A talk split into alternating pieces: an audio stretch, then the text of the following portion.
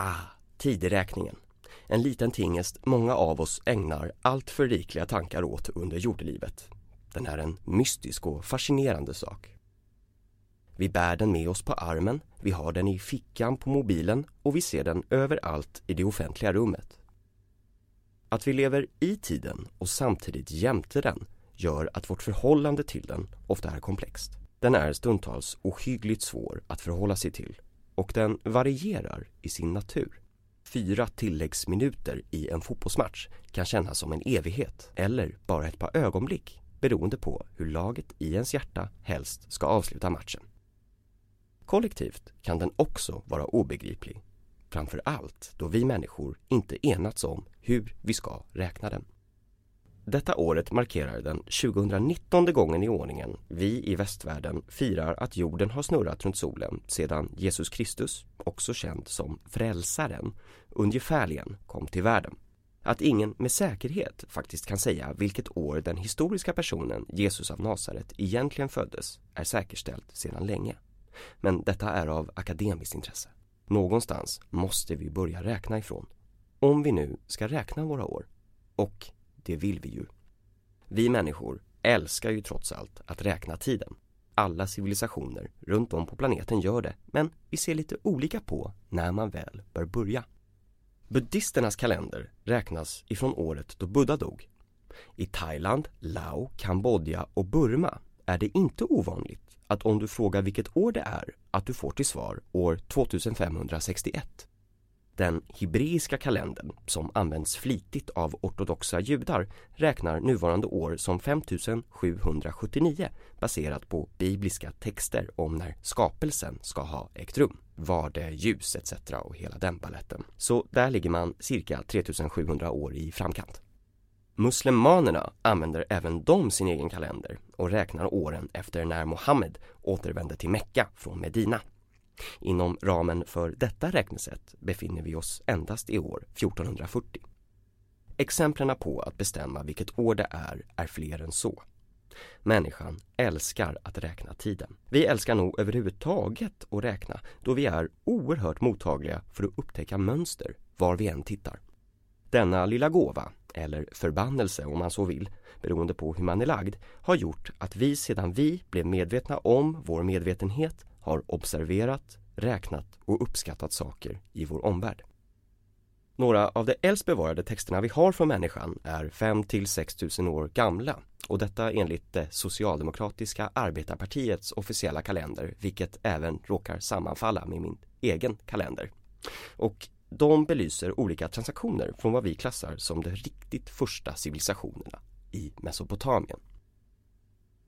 Mesopotamien betyder landet mellan floderna på grekiska och avser ett område mellan floderna Eufrat och Tigris i dagens Irak.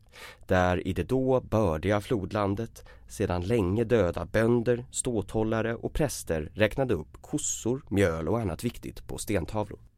Det viktiga i att räkna upp och ha koll på hur mycket av något man hade var en drivkraft stor nog för att uppfinna skrivspråket. Inte kort därefter ser vi spår av att civilisationerna i Mesopotamien även börjar med att räkna tiden. Att vi just räknar tiden som vi gör är en restprodukt från dessa sedan länge utdöda kulturer.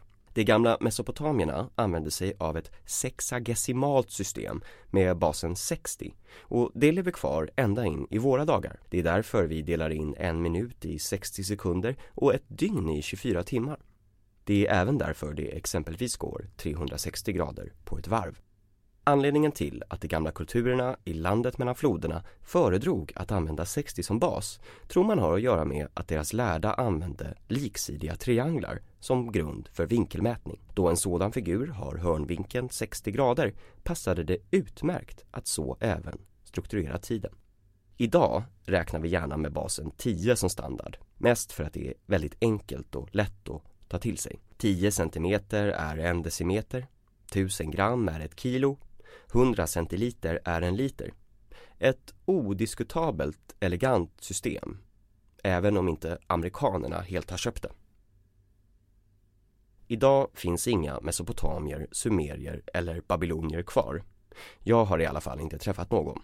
Inte heller har jag träffat Jesus, trots otaliga försök att kontakta honom via bön och seanser men jag väljer ändå att förhålla mig till vilket år det är utifrån hans uppdiktade födelsedatum. Och jag väljer att räkna mina minuter i 60 sekunders intervaller. Och med det sagt ser jag åren flyta förbi. Av de åren som passerat sedan Jesus från Nasarets påstådda födelse måste vi erkänna att många har varit helt fantastiska. Andra mindre bra. Mycket hinner ju som bekant hända under ett år. Det vet alla som suttit inne eller gått i sjunde klass. Ett år som dock konkurrerar om det bästa året någonsin är året 1667. Uppskattningsvis har endast ett fåtal människor idag en intim relation till år 1667. Det finns inte ens en Facebookgrupp eller MySpace-sida för oss entusiaster. 1667 rullar väl kanske inte för de allra flesta direkt av tungan, om vi säger så. Men det var i alla fall ett år av avgörande karaktär.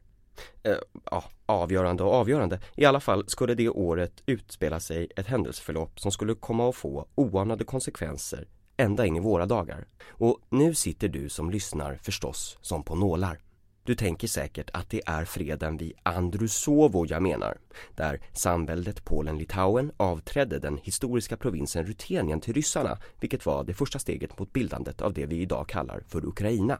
Nej, det är inte det jag har i åtanke. Du funderar då kring att det måste vara att år 1667 öppnas Skandinaviens första teater i Stockholm och att detta ringer in en tid av kulturell blomstring i norra Europas utkant. Också intressant, men det är inte det jag har i tankarna. Du drar dig då till att det måste vara att år 1667 sker världens första blodtransfusion utförd av en fransk läkare vid namn Jean-Baptiste Denis.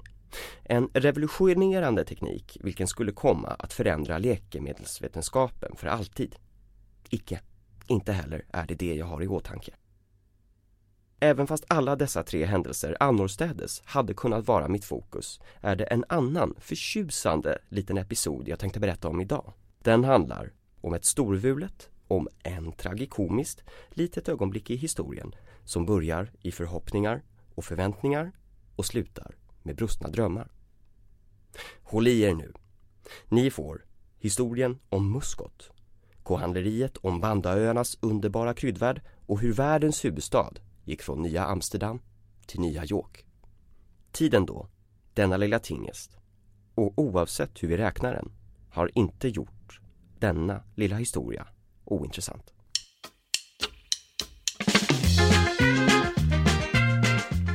Du lyssnar på Historia du borde fått lära dig. Millions of people have lost weight with personalized plans from Noom. Like Evan, who can't stand salads and still lost 50 pounds. Salads generally for most people are the easy button, right? For me, that wasn't an option. I never really was a salad guy. That's just not who I am. But Noom worked for me.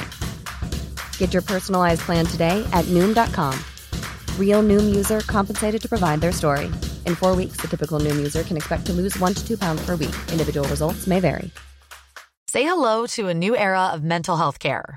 Cerebral is here to help you achieve your mental wellness goals with professional therapy and medication management support. 100% online. You'll experience the all new Cerebral Way, an innovative approach to mental wellness designed around you. You'll get a personalized treatment plan from a therapist, prescriber, or both in a safe and judgment free space. Your cerebral therapist or prescriber will outline a customized plan with clear milestones along the way so you can get to feeling your best. With Cerebral, you're not alone in your mental health journey. We're here to empower you to live a fulfilling life. So take that first step towards a brighter future and sign up today at cerebral.com slash podcast and use code ACasts to get 15% off your first month. Offer only valid on monthly plans. Other exclusions may apply. Offer ends July 31st, 2024. See site for details. Mig, Fredrik. En podcast om dråpliga historiska händelser som påverkar oss än idag men som inte har fått så mycket utrymme som jag tycker att de förtjänar. Podcasten ges ut en gång i veckan och vill du förhandslyssna på nästa avsnitt redan nu föreslår jag att du går in på podme.com eller i podme appen och prenumererar. Första månaden är gratis. Idag ger jag er Kohandleriet om Bandaöarna, Indonesien, 1667.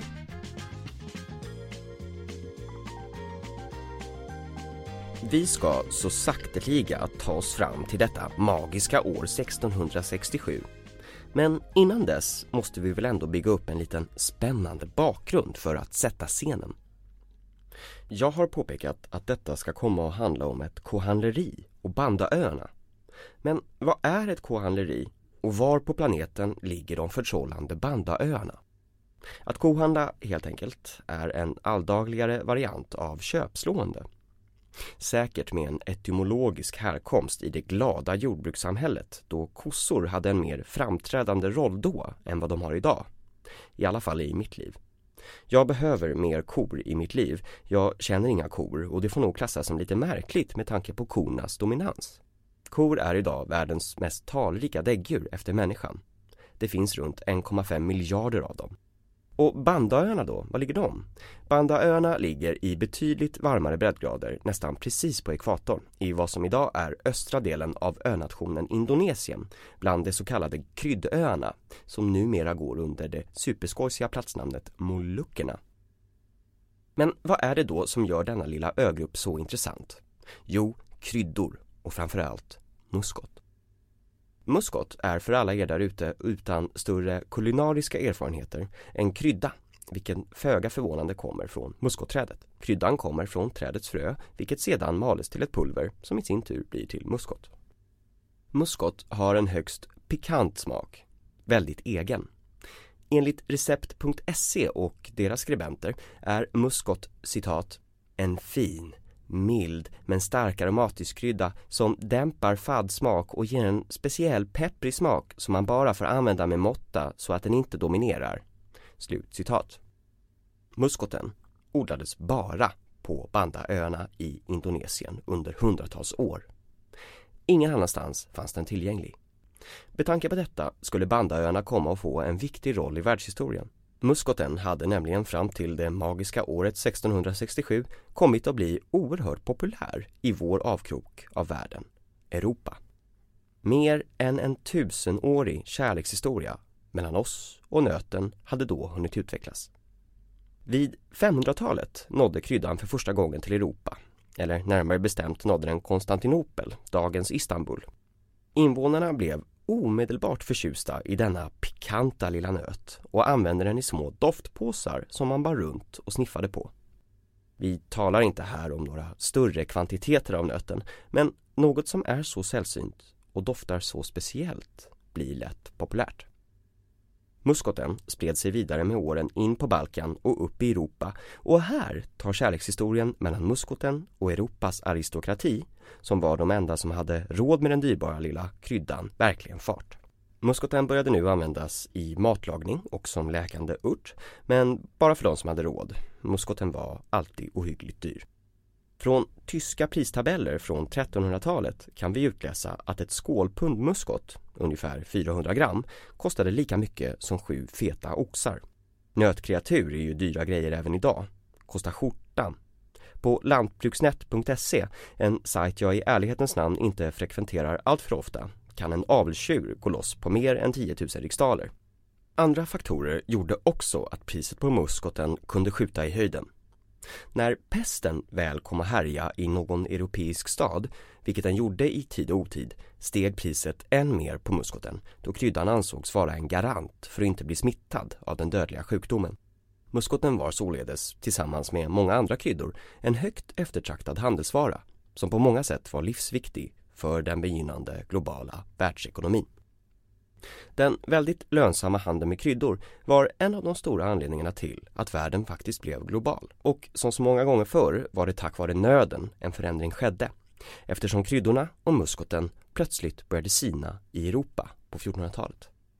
År 1453 fullbordas ottomanernas framgångar när de sista resterna av det en gång så mäktiga romarriket faller. Ottomanerna intar Konstantinopel Förödande tyckte säkert många kristna och andra, men det var speciellt illa för dem som gillade kryddor. Ottomanerna införde nämligen ett handelsembargo gentemot kristna i Europa och muskoten samt andra läckra smakrika kryddor från Fjärran Östern började plötsligt försvinna. Kryddorna från Fjärran Östern hade alltid kommit landvägen och nu stod en stor koloss i form av turkarna i vägen som gjorde det omöjligt att få tag i den älskade muskoten. Nöden har ingen lag. Kryddorna måste fram till varje pris. Om inte muskoten kommer till mig måste jag ta mig till muskoten, spekulerar jag i att 1400-talseuropeerna tänkte. Runt om i Europa började man vid denna tid då att finula på om det inte fanns en sjöväg att använda sig utav. Kanske behövde man inte ta landvägen för att komma österut. Spanjorerna var först ut med att lyckas någorlunda via båt för att nå kryddorna. Italienaren Kristoffer Columbus, på uppdrag av den spanska kronan, gav sig av åt fel håll efter Indien men påträffade lyckosamt Amerika i nådens år 1492. Det var goda nyheter för Spanien men dåliga nyheter för allehanda folkslag på den amerikanska kontinenten. Det tog inte lång tid för spanjorerna att plundra de framstående men teknologiskt underlägsna civilisationerna på deras skatter. På kuppen råkade spanjorerna också ha ihjäl cirkus 90% av all man träffade på då ingen immunitet mot sjukdomar som smittkoppor hade utvecklats. Portugiserna stod näst på tur i att söka lyckan. 1497 upptäcktes slutligen en sjöväg österut. Då rundade portugisen och äventyraren Vasco da Gama för första gången Afrikas södra spets Goda hoppsudden och fann äntligen sjövägen till Indien och kryddornas förlovade land. För att belysa exakt hur viktig kryddhandeln ansågs på den här tiden utropades som stridsrop när portugiserna stötte på fientliga individer. Para Cristo e para especerias.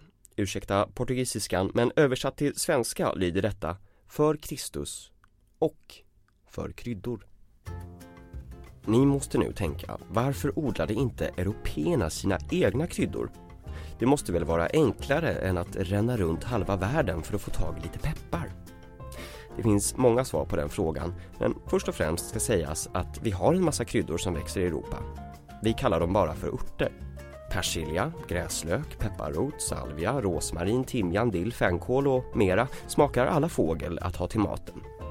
Men alla dessa örter har gemensamt att de har ganska fina och något försiktiga smaker.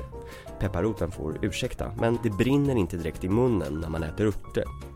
Detta är tack vare vårt europeiska klimat. Europa har vad vi kallar ett Botox Cosmetic, out of botulinum toxin A, FDA approved for over 20 years. So, talk to your specialist to see if Botox Cosmetic is right for you. For full prescribing information, including boxed warning, visit BotoxCosmetic.com or call 877-351-0300. Remember to ask for Botox Cosmetic by name. To see for yourself and learn more, visit BotoxCosmetic.com. That's BotoxCosmetic.com. tempererat klimat. Vi har relativt milda temperaturer och mestadels massa vatten. Växterna behöver inte heller slåss lika mycket för sin överlevnad. Smak i plantor är kemi och starka smaker har evolutionen hjälpt växter att utveckla för att de eller deras frön, bär och frukter inte ska bli uppätna av insekter eller bakterier. Starka smaker i växter är således överlevnadsteknik och i tropikerna måste växter slåss för sina liv på ett helt annat sätt än vad de behöver i Europa. Varför vi inte kunde odla peppar eller muskot i Europa för 500 år sedan har också självklart sina orsaker. Kryddor som kom till Europa var visserligen ofta i dess fröform men då resan tog månader eller år var de inte i skick att plantera när de väl kom fram. De som odlade kryddorna i tropiska klimat värmde ofta upp fröna som skulle exporteras så att inga frön skulle överleva och att man då kunde behålla sitt monopol. Vidare så visste vi inte riktigt hur man gjorde heller. europeer hade ingen som helst koll på kryddväxter. Vi visste ingenting om deras livscykel, vilken jord de skulle planteras i. Samtidigt, det som man trodde sig veta hade man ofta fel om.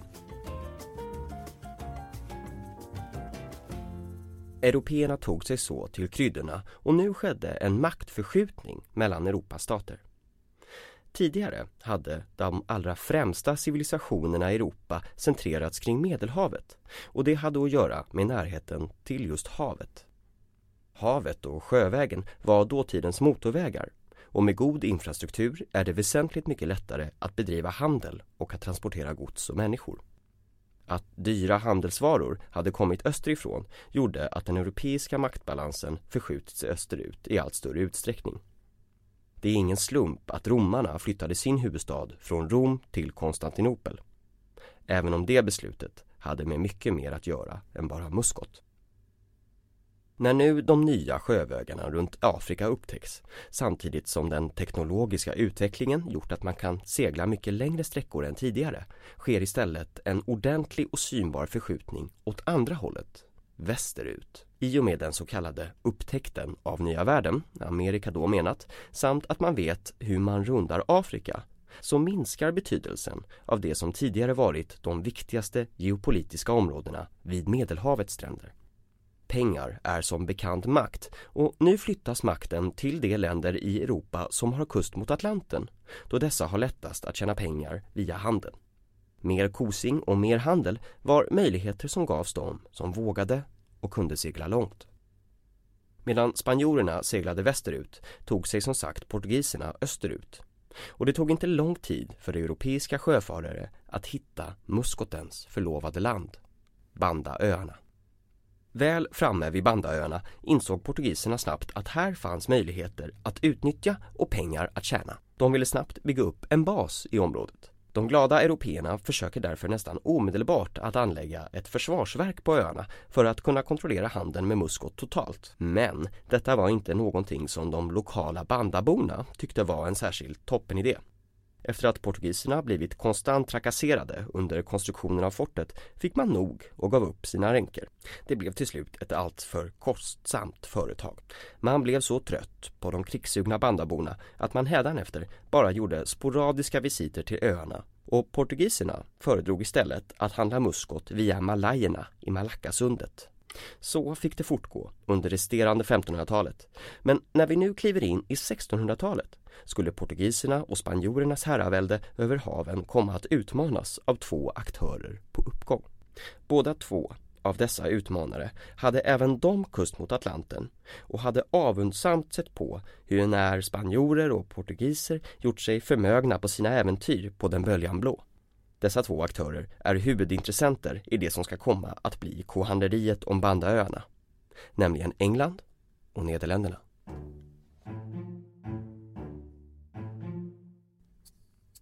Holländarna kom i alla fall slutligen även till våra Bandaöar och började långsamt ta över handeln med bandaborna från portugiserna. Men varken holländarna eller bandaborna hade särskilt mycket till övers för varandra. Redan från start hade relationerna surnat. Holländarna klagade över att bandaborna omförhandlade priser på kryddor och muskot i sista stund trots att ett pris redan var överenskommet. Samtidigt som man också tyckte att bandaborna fuskade med kvantitet och kvalitet på varorna. Bandaborna, å andra sidan, tyckte inte alls om varorna som holländarna ville handla med. Tunga ulltyger och damasker till exempel är inte direkt vad som är livsnödvändigt på en tropisk ö. Detta till trots gick handeln vidare och den var väldigt lönsam för de europeiska sjöfararna. Väl tillbaka i Europa kunde man få upp till 300 gånger inköpspriset för kryddorna. Holländarna hade, likt portugiserna hundra år tidigare, den goda idén att försöka bygga upp ett fort på Bandaöarna för att få till en mer permanent tillvaro i regionen. Med ett fort kunde man enkelt försvara sig och därigenom få större kontroll över den lukrativa handeln med muskot. Det gick däremot lika illa för holländarna som det gjorde för portugiserna. Bandaborna var fortfarande krigiska och inte alls särskilt förtjust över att en främmande makt kom dit och slog upp ett fort. Bandabornas ledare använde sig av lite gammaldags hedlig krigslist och satte upp ett möte med holländarna. Men lurade in dem i en fälla och halshögg helt sonika holländarnas ledare och ytterligare 43 holländska seglare. Det gjorde att fortbygget skulle komma att bli något försenat. Men likväl kom fortet till slut upp. Portugiserna hade blivit utkonkurrerade och minskat sin närvaro i den indonesiska arkipelagen.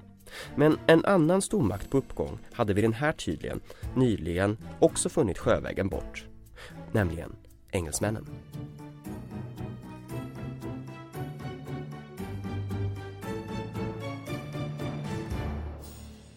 England hade före 1600 mestadels koncentrerat sina seglatser västerut mot Amerika men hade nu även de startat sitt eget Ostindiska kompani och började se sig österut efter den lukrativa kryddhandeln.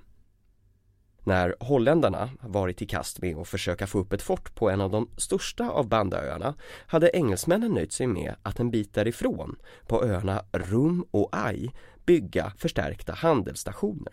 Detta var inte en lika stor arbetsinsats och inte heller var det lika skrämmande för lokalbefolkningen kan jag tänka mig. Invånarna på Rum och Ai var inte heller lika jobbiga att ha att göra med. Men engelsmännen drog trots allt en nitlott då det inte odlades alls lika mycket muskot på deras öar. För att komma åt större kvantiteter muskot än vad rum och Ai kunde erbjuda på naturlig väg började därför engelsmännen att erbjuda öborna på de holländska Bandaöarna fördelaktiga villkor. Holländarna blev såklart rätt sura över detta och nu börjar konflikten mellan de europeiska stormakterna att eskalera.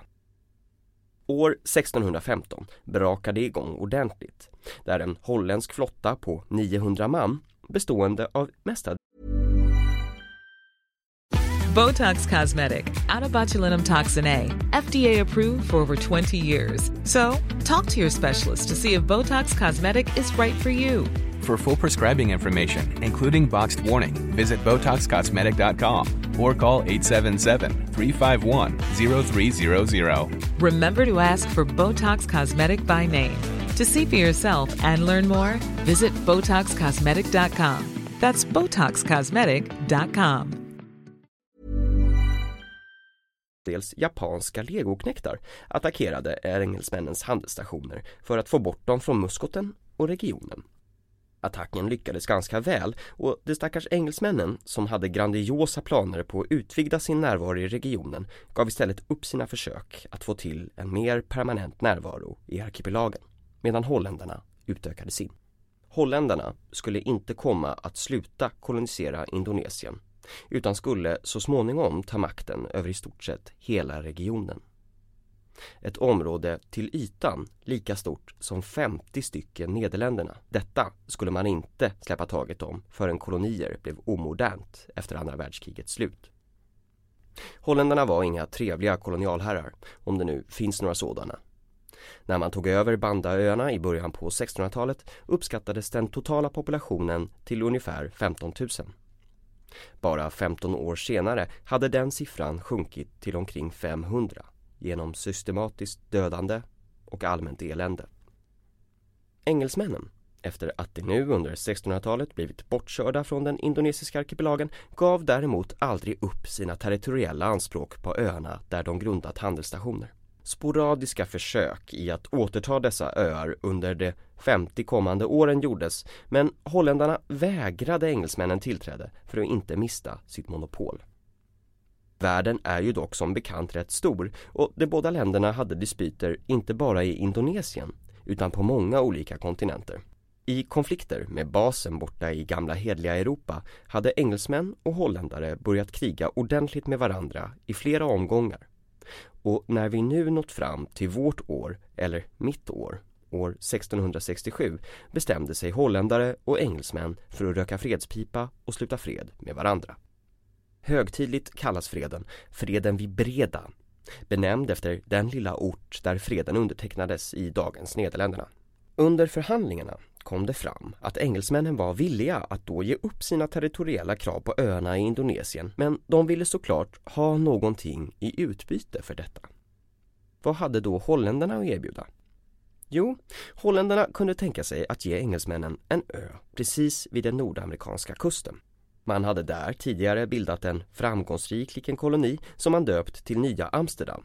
Det ska sägas att engelsmännen redan hade de facto kontroll över denna lilla ö så holländarna hade ingen större problem med att byta bort den. Man tänkte att det också var ett billigt pris att betala för att slutligen säkra sitt monopol på muskot. Bytt i bytt, sagt är gjort och freden undertecknades öar byttes och engelsmännen bestämde sig för att döpa om Nya Amsterdam till ett mer engelskt klingande namn, Nya York. År 1667 byttes alltså Muskot mot Manhattan. Med tiden skulle det visa sig vara ett nedköp, men det är alltid lätt att vara efterklok. Ingen kunde då veta att Manhattan skulle komma att bli världens huvudstad, om jag nu får tillåta mig att kalla den det.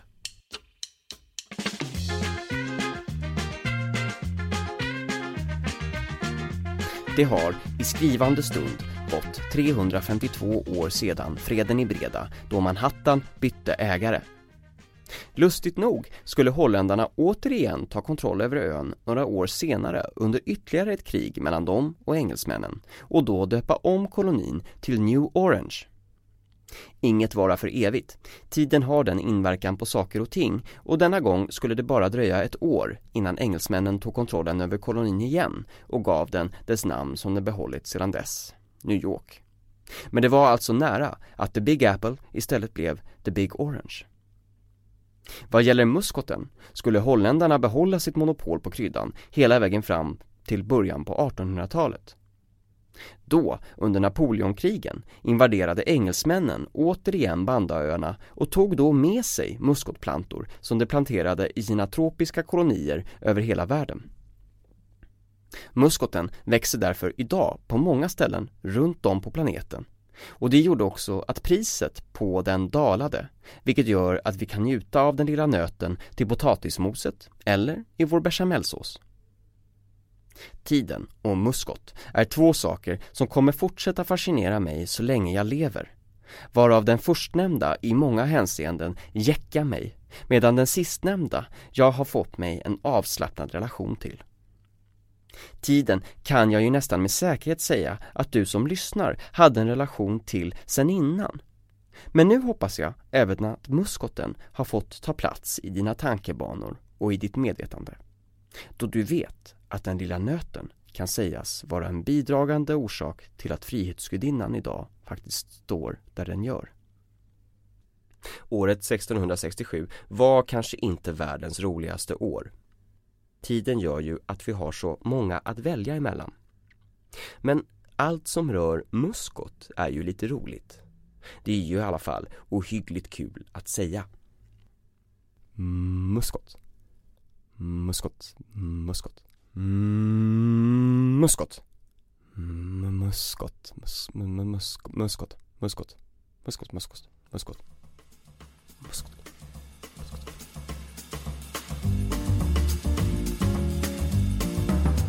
Tack för att du har lyssnat på Historia du borde fått lära dig med mig, Fredrik. En podcast om dråpliga händelser i historien.